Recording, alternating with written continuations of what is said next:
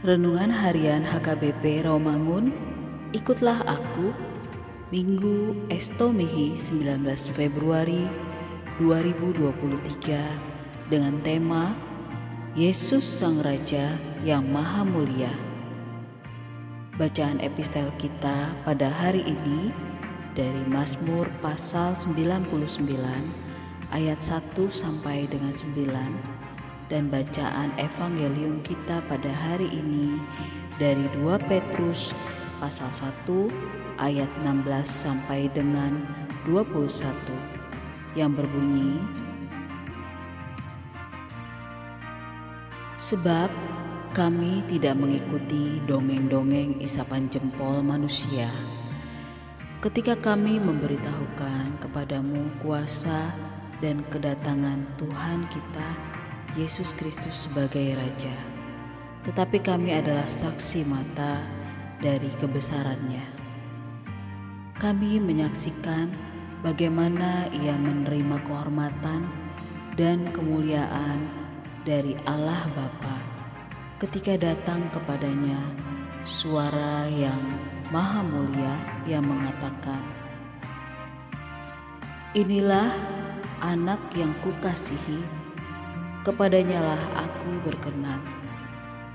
Suara itu kami dengar datang dari surga ketika kami bersama-sama dengan dia di atas gunung yang kudus. Dengan demikian kami makin diteguhkan oleh firman yang telah disampaikan oleh para nabi.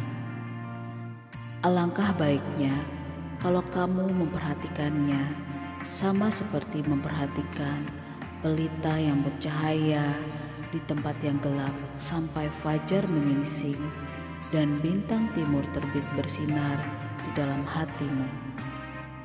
Yang terutama harus kamu ketahui ialah bahwa nubuat-nubuat dalam kitab suci tidak boleh ditafsirkan menurut kehendak sendiri. Sebab tidak pernah nubuat dihasilkan oleh kehendak manusia, tetapi oleh dorongan Roh Kudus, orang-orang berbicara atas nama Allah. Demikian firman Tuhan. Sahabat, ikutlah aku yang dikasihi Tuhan Yesus. Rasul Petrus menegaskan bahwa Allah itu kudus, maka semua umatnya juga harus kudus.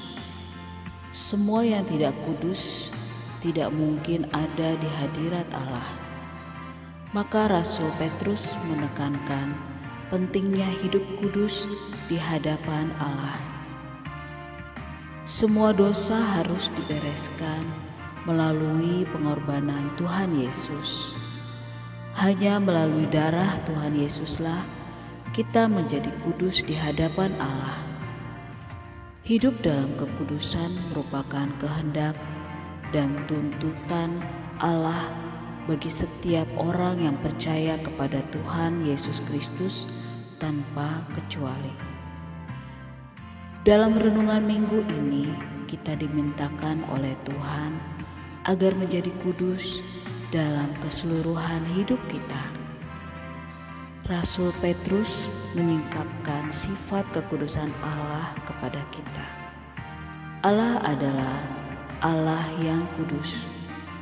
Kekudusan Allah inilah yang pada dasarnya menyebabkan manusia tidak mudah menjangkau Allah dalam hidupnya. Namun demikian, Allah yang kudus, yang tidak terjangkau ini membuat dirinya lebih mudah terjangkau oleh manusia melalui Tuhan Yesus.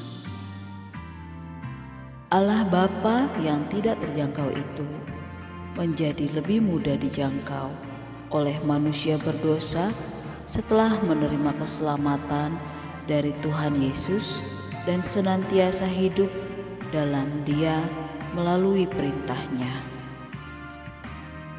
Melalui Tuhan Yesus pula Allah Bapa menguduskan manusia yang berdosa. Mereka yang telah dikuduskan Sang Bapa melalui Kristus dipanggil untuk mewujudkan kekudusan itu di dalam hidup sehari-hari karena ada firman-Nya yang mengatakan, "Tetapi hendaklah kamu menjadi kudus di dalam seluruh hidupmu." Kekudusan tidak perlu memisahkan kita dari sesama, tetapi mempraktikkan kekudusan tersebut dalam perjumpaan dengan sesama kita. Firman Tuhan hari ini mengajarkan kepada kita agar tetap setia dan terus mengikuti teladan Tuhan Yesus dalam menghadapi banyaknya cobaan dan penderitaan. Amin. Marilah kita berdoa. Kami mengucap syukur kepada Allah Bapa yang telah mengutus anaknya Tuhan Yesus yang menjadi keselamatan bagi kami sehingga kami dikuduskan di dalamnya. Amin.